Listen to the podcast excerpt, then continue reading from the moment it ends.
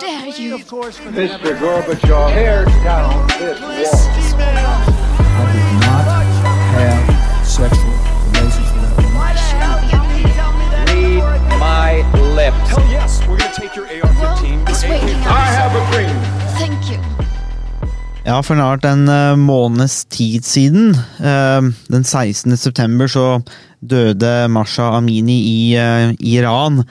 Eh, etter eh, Nå er detaljene litt uklart, men eh, det virker som om at hun døde etter at moralpolitiet i, i hovedstaden hadde arrestert henne og rett og slett banka opp på folkelig språk for at hun ikke hadde på hijaben korrekt. Det var rett og slett litt dårlig moral i, ifølge, ifølge dette moralpolitiet. Eh, og det har jo starta, eller i hvert fall eh, ja, starta et opprør eh, i, Iran. Tusenvis av mennesker, og, særlig jenter og kvinner, har tatt til gatene for å demonstrere mot prestestyret, mot teokratiet, som har styrt, eller vært, vært styreformen, men dette, dette prestestyret som har styrt siden, siden 1979.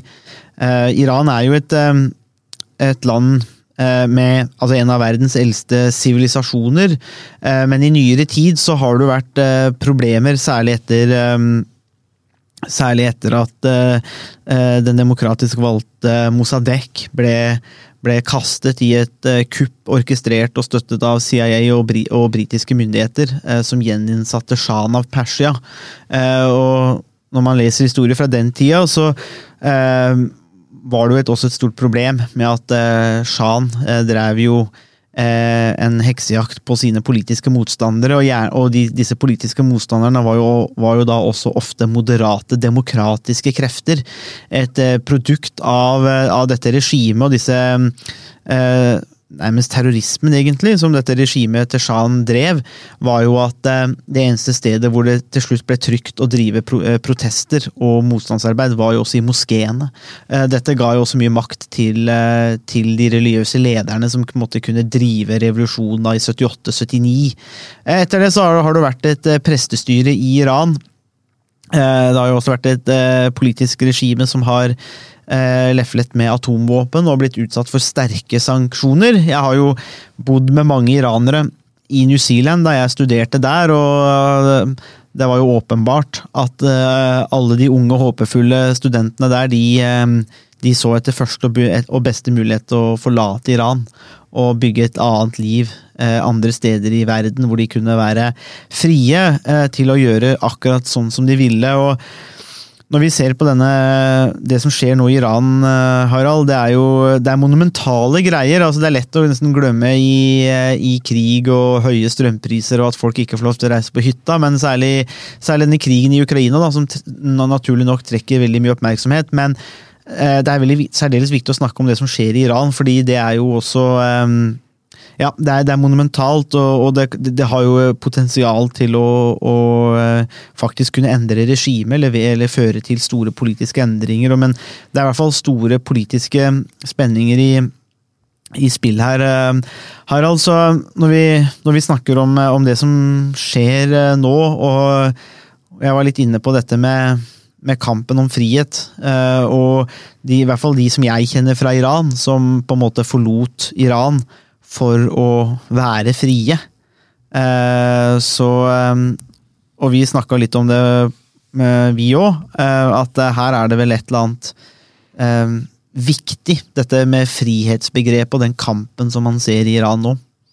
Ja, man, kan analysere situasjonen i Iran på, på mange ulike måter. Og det er mange ulike prosesser og, og, og vinklinger eh, som foregår eh, parallelt. Eh, En, eh, så for å fortsette på det som du, du var inne på, Sondre, om, om frihet, så så kan man si at her er det også Man kan også forstå noe av situasjonen i Iran som en kamp om altså mellom ulike forståelser av, eh, av frihet. Prestestyret i eh, Iran vil jo kanskje hevde at det som, som gir ekte frihet, den eneste måten å være virkelig fri på, er gjennom en veldig en veldig konservativ forståelse av islam, hvor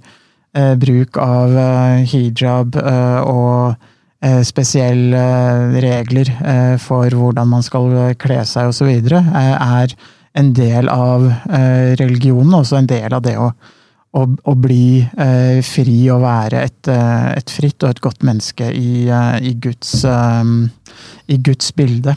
Mm. Og så er det jo helt tydelig at skal man realisere den typen frihet, så må man paradoksalt nok Eh, tvinge eh, hele samfunnet eh, til å kle seg på en bestemt måte, oppføre seg på en bestemt måte. Og paradokset er jo at det er kun gjennom undertrykkelse at man mm. kan oppnå en, en, slags frihet. Og det, det reiser jo spørsmålet om dette er en form for frihet i det hele tatt. Og Eh, opptøyene og protestene eh, de siste ukene eh, vitner jo om at svært mange iranere, over 200, har omkommet i opptøyene så langt. Er svært uenig i prestestyret sin fortolkning av hva frihet faktisk innebærer. Mm, jeg tenker jo det er jo Det er jo en veldig eh, ovenfra og ned eh, her av hva frihet er. Eh, paternalistisk, kan man jo kalle det, hvor, man, hvor, noen, hvor noen, på toppen forteller de andre eh, hvordan de skal være frie og, og hva som må til. Eh, selv om det medfører solid deng, for å si det på den måten.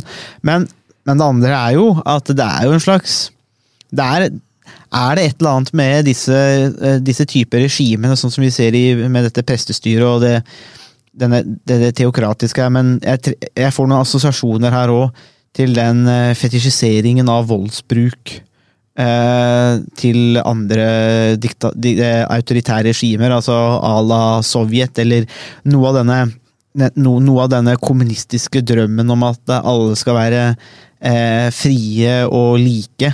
Men eh, omsatt i praksis, hva, vi, hva, hva, er det vi har fått? Jo, vi har jo fått f.eks. et stalinistisk Sovjetunion, hvor det innebar at, eh, man, eh, at eh, millioner av mennesker ble drept. Eller eh, Pol Pots regime Røde Khmer i Kambodsja, hvor det å bli fri var å på en måte ta livet av alle som hadde noen tanker og vyer og utdanning, for å få alle ned på det samme nivået. Eh, og man, jeg får noen assosiasjoner, eller i hvert fall mellom disse regimene uh, til det vi ser i Iran, da, hvor på en måte du har noen som forteller andre hva det vil si å være fri, uh, og, og så kommer det da med en god dose vold uh, og undertrykkelse. og så forventer man at folk skal akseptere dette, da. Det, det, det, er mulig det er mulig mine egne fordommer her, Harald, og verdivurderinger, men det fremstår for meg som noe merkelig. Ja, eh, det, det, gjør det på mange måter. Og um, samtidig så gir det jo også Det er jo en slags, jo en slags uh, intern logikk i uh, hvordan den type autoritære regimer som både uh, tidligere Sovjetunionen og også uh, prestestyret i Iran tenker og opererer på. For sett fra disse ideologiene sin side, så har det jo Eh, de, så er dette universelle verdier og universelle eh, ideologier som gjelder for alle mennesker, eh, uavhengig av tid og rom. Og hvis man skal leve et, et godt liv i en marxistisk utopi, som Sovjetunionen var et forsøk på, så krever det at alle går i takt, og alle tenker og gjør, gjør det samme. Eh, og eh, prestestyret i eh, Iran de tenker at de har Gud, eller Allah, på, på sin side. Mm. Og de ser også på religion som noe som har universell gyldighet. Og derfor må alle i Iran leve etter de reglene som prestestyret bestemmer at man skal, eh, skal følge. Og, og det, her er jo, det her er jo også problemet, fordi det er en Man, man går fra en, eh, en religiøs eh, Et religiøst verdens, verdensbilde til en politisk ideologi. Som man da innfører på resten av, av samfunnet. Mm. Og sånn sett så er det en, en spenning mellom det at man mener at religionen man eh, tilhører, har universell eh, appell, eh, og det å, å innføre, påføre resten av samfunnet den religionen og det, den ideologien som man, som man tror på. Og det er jo litt sånn, Man kan jo også tenke, det er jo klart litt, kanskje litt farget av litt mer sånn liberalt perspektiv, men man kan jo tenke at dersom eh, både Man kan si også den formen for eh, marxist-leninisme som lå til grunn for Sovjetunionen, og også det, den politiske ideologien som ligger til grunn for prestestyret i eh, Iran. altså Dersom disse ideologiene eh, og tankesettene hadde en eh, universell eh, appell, så ville man også kunne tenke seg at eh, eh, de aller fleste vil ville komme frem til at dette var den riktige måten å, å leve på. Mm. Gjennom eh, studier av religiøse tekster eller eh, Marx sine, mm. sine tekster. Eh, Virkeligheten eh, er jo ganske annerledes, eh, og mm, all den politiske volden og undertrykkelsen som man har vært vitne til i eh, Iran de, eh, den siste måneden, eller de siste fire ukene, det viser jo med all tydelighet eh, hvor eh, kontroversielt eh, det er å tvinge andre til å tro på det samme som en selv. For én ting er jo å mene at det man tror på er riktig uavhengig av tid og rom, og er universelle verdier. Det kan man jo i og for seg mene, men noe annet er jo å tvinge andre til å mene det samme. Eh, og Sovjetunionen hadde jo et, en ambisjon om en verdensrevolusjon. At revolusjonen i eh, Russland skulle spre seg til eh, resten av, eh, av verden. Og det samme kan man jo til en viss grad uh, si også gjelder uh, for uh, den militante politiske islamismen også. Man har et ønske om at disse ideene skal være gjeldende for hele verden. Eh, og Iran har jo selvfølgelig bare kontroll over eh, Iran, selv om de, eh, eller det iranske ter- territoriet, selv om de, de har støtte både i Syria, Libanon og Jemen og andre steder. Eh, så, så har det jo, er det jo ganske klare begrensninger på hvor på hvor Iran kan innføre den type politiske, religiøse ideologier. Og dersom eh, de forsøkte å innføre noe lignende i andre land, så ville jo protestene vært på samme måte eh, som i, eh, i Iran eh, i dag. Eh, De aller fleste ville jo motsette seg den type den type tvangsindoktrinering eh, til en bestemt eh, religion eller politisk eh, retning. Mm, Det er jo det interessante her er jo, eller det er mye som er interessant, men det skjer jo noe interessant når man er hellig overbevist om at man har rett. Eh, og det er jo det er jo noe av det som man kanskje tenker seg er noe av, av lærdommen, i hvert fall noe av det jeg trekker ut fra f.eks. tekstene til, til John Stuart Mill, når han advarer mot på en måte den derre om at man ser seg blind på sin egen fortreffelighet og kunnskap, og at man rett og slett er, glemmer at man er feilbarlig. At man tenker at man er ufeilbarlig, og det er jo kanskje det som er eh, at eh, det vi ser i Iran nå, også er jo et, et, et eksempel på en sånn type situasjon. Eh, og, og det blir problematisk når man er hellig overbevist om at man har rett, og at man har en og at kilden til denne autoriteten kommer fra f.eks. En, eh, en religion, da, eh, eller Gud. Eh, fordi at det er noe man ikke kan eh, sette spørsmålstegn ved eller kritisere. Det, dette var jo den samme prosessen man i, i, over lang tid også gjennomgikk i Europa, mot eh, pavemakten f.eks., som også gjorde samme krav til autoritet. At dette kom fra Gud, det var udiskutabelt, og da må man bare gjøre som paven og, og, og, og Rom sier. Eh, men, men dette ble jo eh, kritisert og gjenstand for mye kritikk. eh, og særlig i kanskje i, i engelsk politisk tenkning, hvor man på en måte måtte starte litt på nytt der, og det ble åpenbart at autoriteten her ikke kom fra Gud. Men, men, men det skaper problemer når man er hellig overbevist om at man har rett. på samme måte som det har vært et problem i det var, var, et problem under den første verdenskrig òg, når man skulle eh, Målet var å gjøre slutt på alle mulige kriger, eller alle kriger, og at man man, man heva eh, lista så høyt fordi at det var ikke lenger snakk om rasjonelle politiske mål, men man kjempa for mye større begreper og frihet osv., og, og da er det veldig vanskelig å trekke en slutt eh, før det går veldig langt. Eh, slik at dette er jo ikke noe som er de- de- Den dynamikken, tenker jeg, er ikke unik for eh, prestestyret i Iran eller Stalin. Altså det, det, det, det kan gjelde mange andre sektorer i samfunnet hvor vi får, får denne sakraliseringen, altså hvor man gjør det hellig, eh, og på en måte gjen, en gjenstand som er eh, ikke, Eller noe som ikke er gjenstand for kritikk lenger, eh, på en rasjonell måte eh, og åpen måte, og da er man i, i trøbbel, tenker jeg. Men, men, men det er nok, i hvert- fall slik jeg ser det, et, et interessant element her. At man har noen som gjør krav på en autoritet, men den autoriteten trekkes i tvil, og folk aksepterer det ikke lenger i Iran, og dermed så mister man også autoriteten og legitimiteten. Eh, og hva er det man sitter igjen med da? Eh, og det, det det ser ut man sitter igjen med da, er jo egentlig mest rå vold. eh, for å banke folk så de blir lovlydige. Da. Det, det, ja, jeg tenker det, og, og da, da har man et problem, da. Fra et statsperspektiv her, hvis man skal få staten til å overleve, og det er målet, så, så ser det ikke så Da begynner det i hvert fall å se litt dårlig ut, tenker jeg, for det iranske regimet, da. Absolutt. eh, Og eh, det som, eh, som gjør sak, situasjonen enda mer spesiell og prekær i, i Iran i dag, er jo også at man kobler en, en veldig snever tolkning av religion med det man kan kalle politisk inkompetanse og politiske mm, feilvurderinger.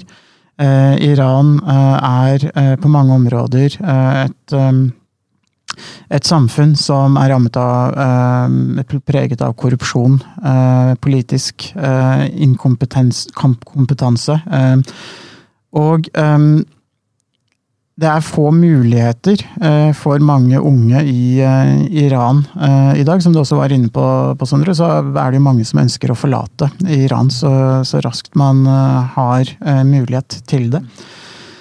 Og det gjør at befolkningen når, kan, eh, når en stor del av befolkningen ikke kan eh, reise fra eh, Iran, så har det heller ingen andre alternativer enn å, å yte motstand mot prestestyret. Det, det finnes ikke så veldig mange alternativer til, til å gjøre motstand. Og Det er også litt interessant eh, å sammenligne litt eh, situasjonen i, Russland etter mobiliseringen og det som har skjedd i Iran de siste ukene. For um, eh, Russland innførte en um, eh, såkalt eh, delvis eh, militær mobilisering, hvor de kalte inn eh, mange eh, menn til militærtjeneste i eh, Ukraina. Og resultatet var jo at eh, hundretusenvis av eh, unge eh, russiske menn eh, forlot eh, Russland så raskt de, eh, de kunne. Flybillettene gikk jo Prisene på flybilletter gikk jo i været for å komme seg ut av, av Russland så raskt som mulig, og det har vært lange køer. ved grensepasseringene for å komme seg ut av Russland til um, eh, Kasakhstan og eh, Kirgisistan, eh, Georgia og andre, eh, andre land som eh, russerne kan reise til uten, uten visum. Um, så Russland, I Russland så hadde man fortsatt et alternativ. at, man kunne, at man kunne reise ut av Russland. Istedenfor å bli mobilisert i en krig man ikke ville delta i. Eh, Mens i Iran så har man ikke det alternativet. Eh, noen har jo gjort narr av russiske menn som har vært eh, sagt at de er mer pingler enn iranske kvinner som, som protesterer. Men veldig mange iranske kvinner ville jo antakelig også forlatt Iran hvis de hadde hatt mulighet til det. Mm. så, så sånn sett så så er den situasjonen her også skapt ikke bare av den religiøse eh, fundamentalismen, men også av politisk inkompetanse og politiske feilvurderinger. Eh, hvor det er høy eh, arbeidsledighet eh, blant eh, mange eh, unge iranere. relativt vanskelige eh, relativt vanskelige eh, levekår, eh, som eh, er med på å, å gjøre situasjonen mer tilspissa, og som gjør at man får den type protester som man har sett eh, de siste fire ukene. Og det, er sånn som moralpolitiet sin krav om at man skal ha hijab, bære hijaben på en bestemt måte osv., er jo mer bare Kanskje mer er jo kanskje mer eh, dråpen som får begeret til å, å renne over, eh, enn at det i seg selv eh, At det bare i seg selv er, eh, er problemet. Eh, det er et, antagelig et dypere sett eh, med problemer som som ligger til grunn for protestene. For hvis det bare, hvis alt i Iran fungerte bra, og det bare var å, å ha på seg hijaben på riktig måte, så er det ikke sikkert man ville sett den type mm. protester. Men det er også et uttrykk for en mye større og bredere eh, protest eh, mot, eh, mot det iranske styret. Det det vi Jeg har jo sett flere, øh, også iranske aktivister som har flykta Iran, eh, også peke på det samme. At eh, de gjennomgikk jo samme behandling eh, og tortur på 80-tallet. Eh, men klarte å flykte og er ødelagt for livet, flere av de, men eh, de, de kom seg til Storbritannia og andre land og har måtte, eh, fortsatt måtte aktivismen mot dette regimet. Men det betyr at eh, denne voldsbruken til regimet er jo ikke noe som er nytt. Dette er jo gammelt. altså Dette har man drevet med i, i mange, mange år. og Eh, og det er jo mye som ikke fungerer i samfunnet. Eh, og det er, jeg tenker det er jo det vi ser. For det er, det er ulike måter å se på voldshandlinger på, men, men, eh, men det å se på typ opprør, da, em, eh, politisk opprør eh, noen vil jo tenke at, eh, og det gjør sikkert regimet, at dette er eh, eh, onde mennesker manipulert av Vesten som hater islam osv. De finner på masse mulige, og er, alt er manipulert av Vesten osv.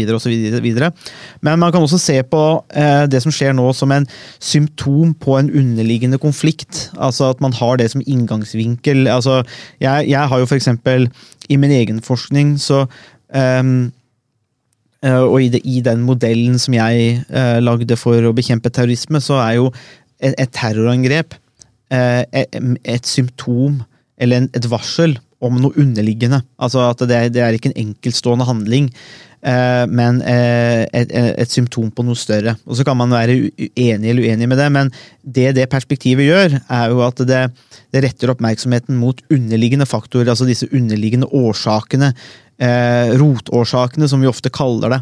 Eh, og jeg tror at eh, regimet i Iran Enten så ignorerer de disse årsakene, eller så er de blinde for dem, eller ikke bryr seg. Men jeg tror de skal passe seg for å ikke bry seg, eh, eller ta det alvorlig. fordi at eh, nå når man disse eh, punktene stadig oftere, hvor begeret renner over. og det, det handler ikke lenger om det isolerte tilfellet med denne eh, jenta. Det handler nå om, om mye, mye, mer i Iran.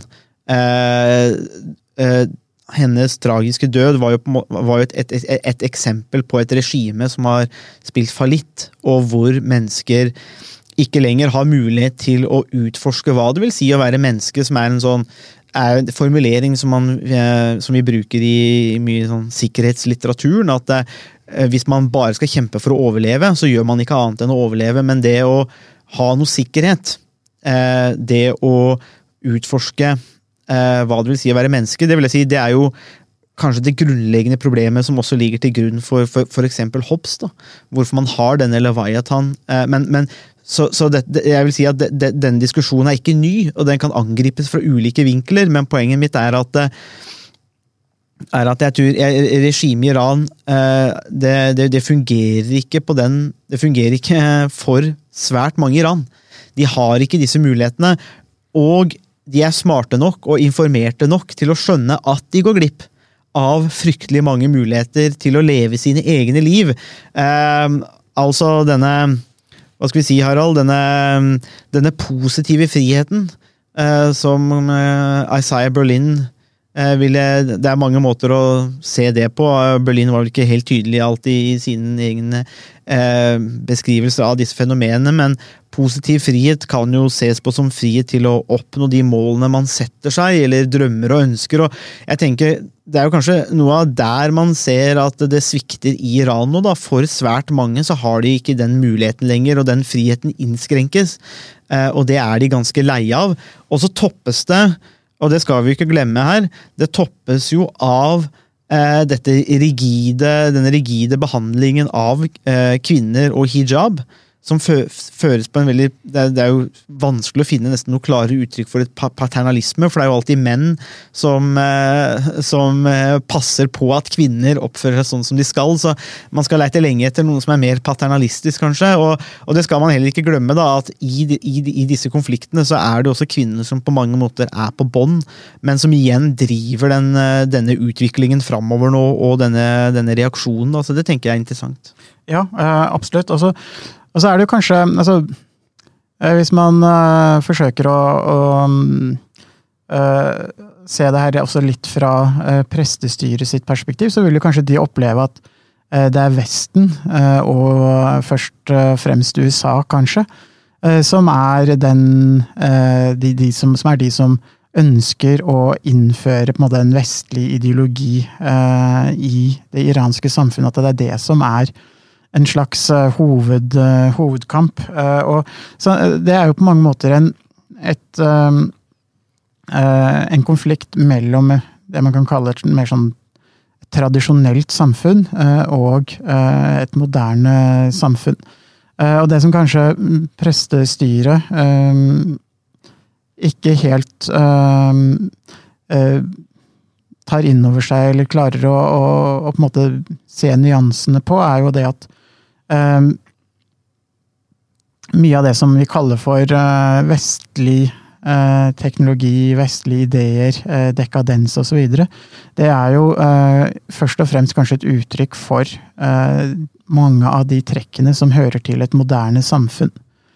Og um, sånn sett så er det et, en, en, kamp også mellom det man kan kalle tradisjonelt samfunn, hvor det er tradisjon og religion som er avgjørende maktfaktorer og verdier. På den ene siden, og så er det et, kamp mellom det man kan kalle et moderne samfunn på den andre siden, som er mer basert på individualisme. Mm. og også et sekulært samfunn.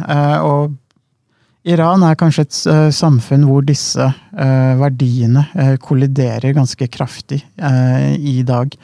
Og fordi at prestestyret tviholder på mange av, av, sine konservative tolkninger av islam, og ikke er åpne for at man kan ha både tradisjonelle eh, religiøse verdier og mer moderne verdier eh, som lever side om side, eh, så, så, blir det en full kollisjon. og for, for prestestyret så kan det kanskje virke som at det er eh, USA som er den store Satan, sånn som de, eh, ofte, som de ofte eh, formulerer det. Mm.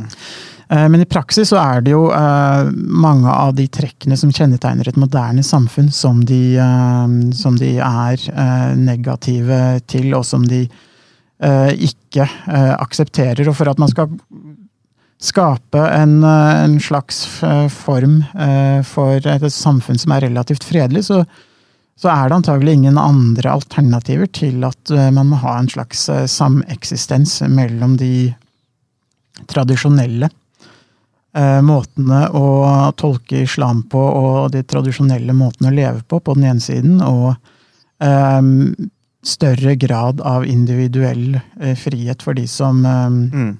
Uh, for de som ønsker det.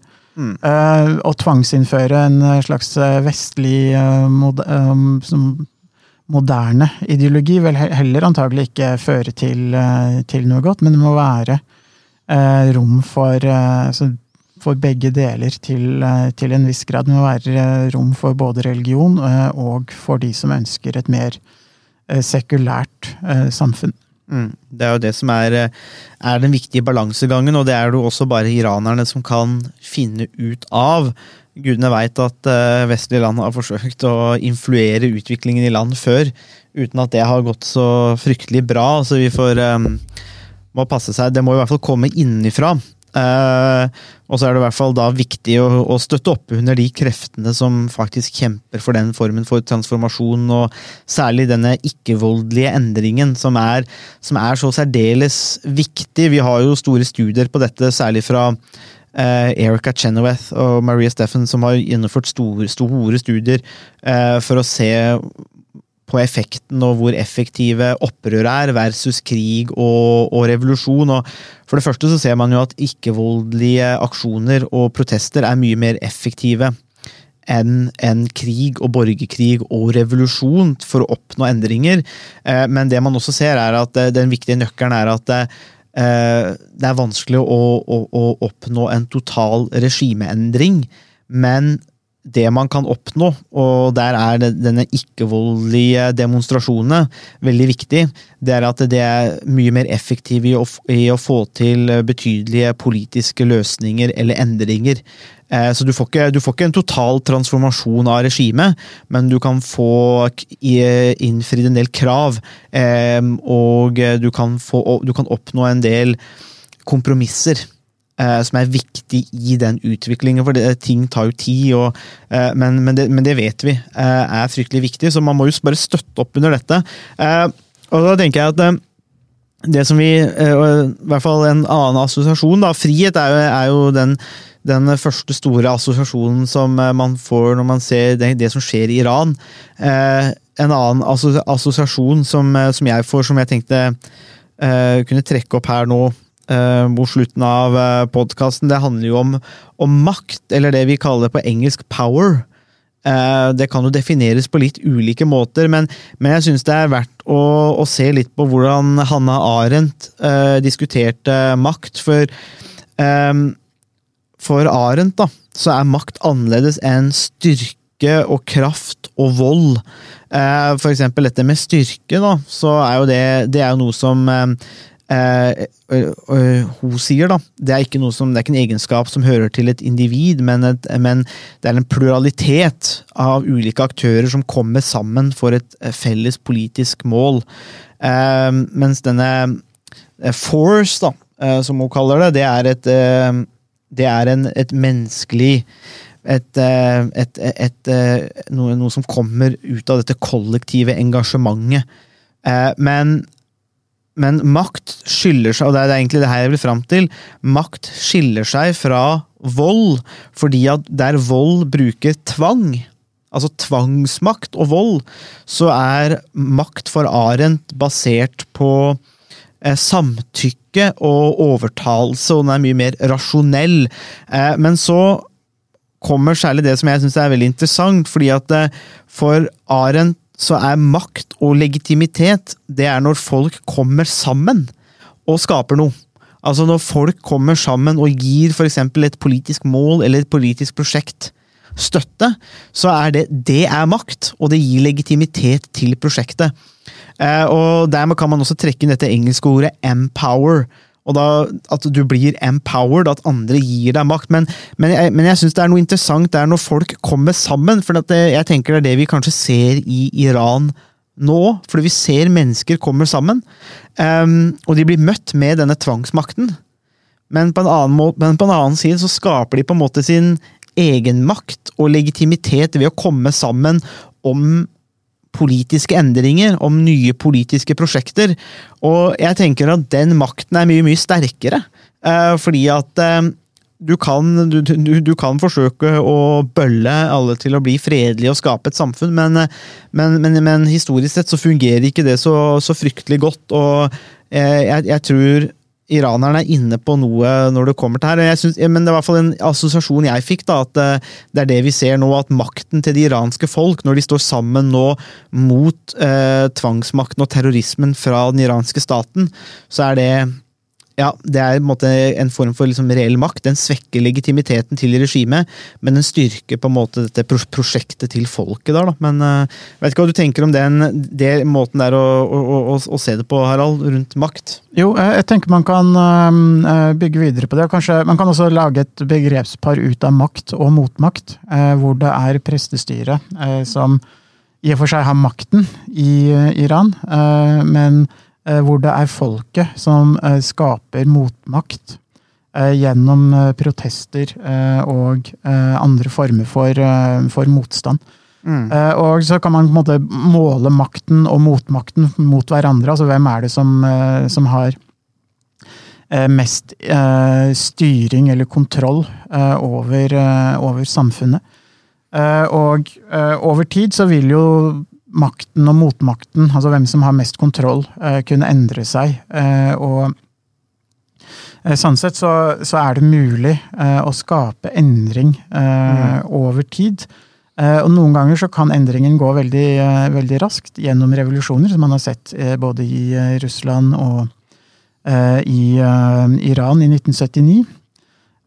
Og Utfordringen er jo at ofte, eh, når man har veldig raske eh, omveltninger eh, og revolusjoner, så, så, vil man i og for seg skape raske endringer.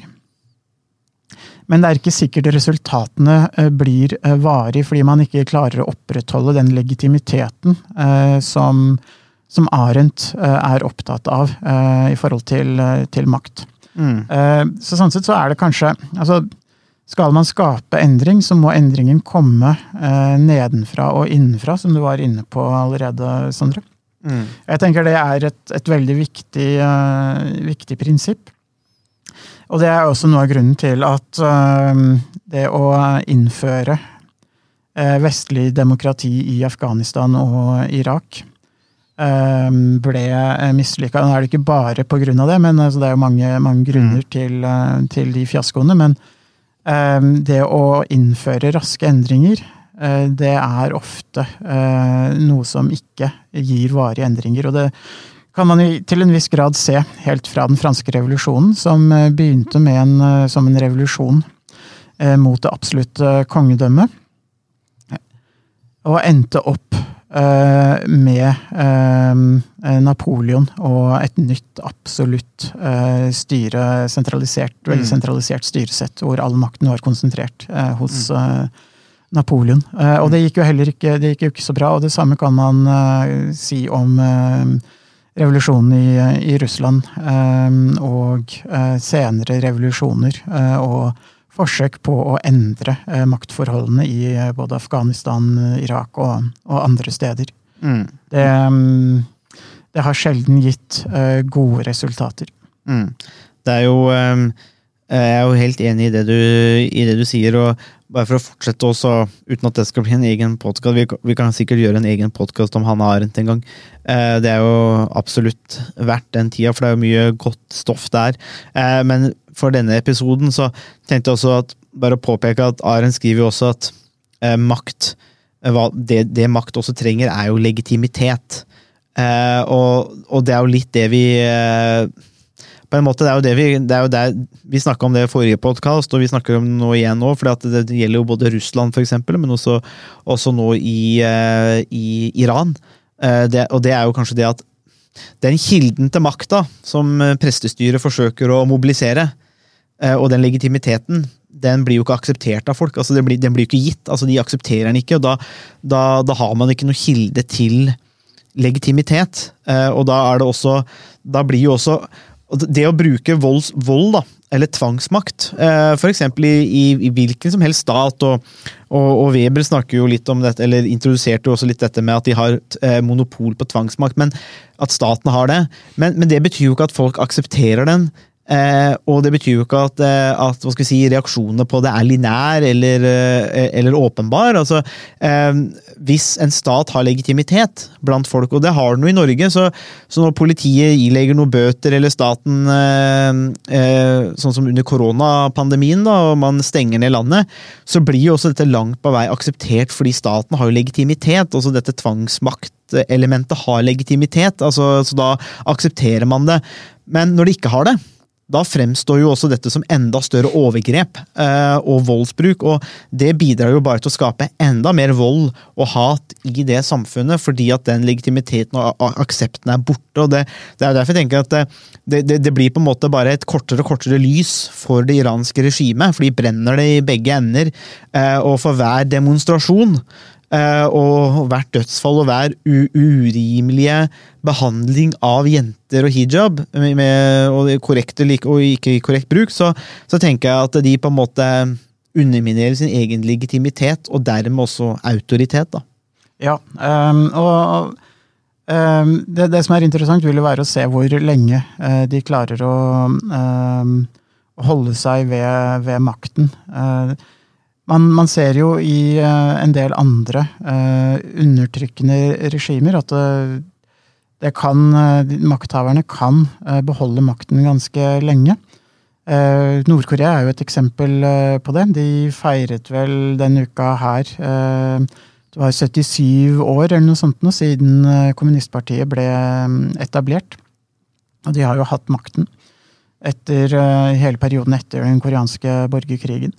Eh, så undertrykkende regimer kan vare eh, svært lenge. Eh, mm. Samtidig så kan de også gå raskt i oppløsning når den autoriteten og legitimiteten forsvinner, noe vi så i, i Øst-Europa på slutten av 80-tallet, og også mm. med oppløsningen av Sovjetunionen i, i 1991. Så um, det kan se ut, i hvert fall på utsiden, som at et styre er stabilt. Eh, samtidig så kan det eh, være i ferd med å smuldre bort eh, på, på, innsiden. Mm. Eh, og eh, at eh, det kan gå rask, raskere i oppløsning enn det man tror. så det er veldig vanskelig å si noe om hvor, hvordan situasjonen vil utvikle seg i Iran og andre tilsvarende undertrykkende regimer. Eh, men eh, de kan, Så det kan være at de, de, holder seg ved makten i lang tid fremover, men det kan også eh, være mulig at de vil miste makten relativt raskt, rett og slett fordi at den legitimiteten, autoriteten som de er avhengig av, vil, vil smuldre opp. Og når den smuldrer opp, så er det ikke noe grunnlag eller fundament mm. for prestestyret til å opprettholde makten sin.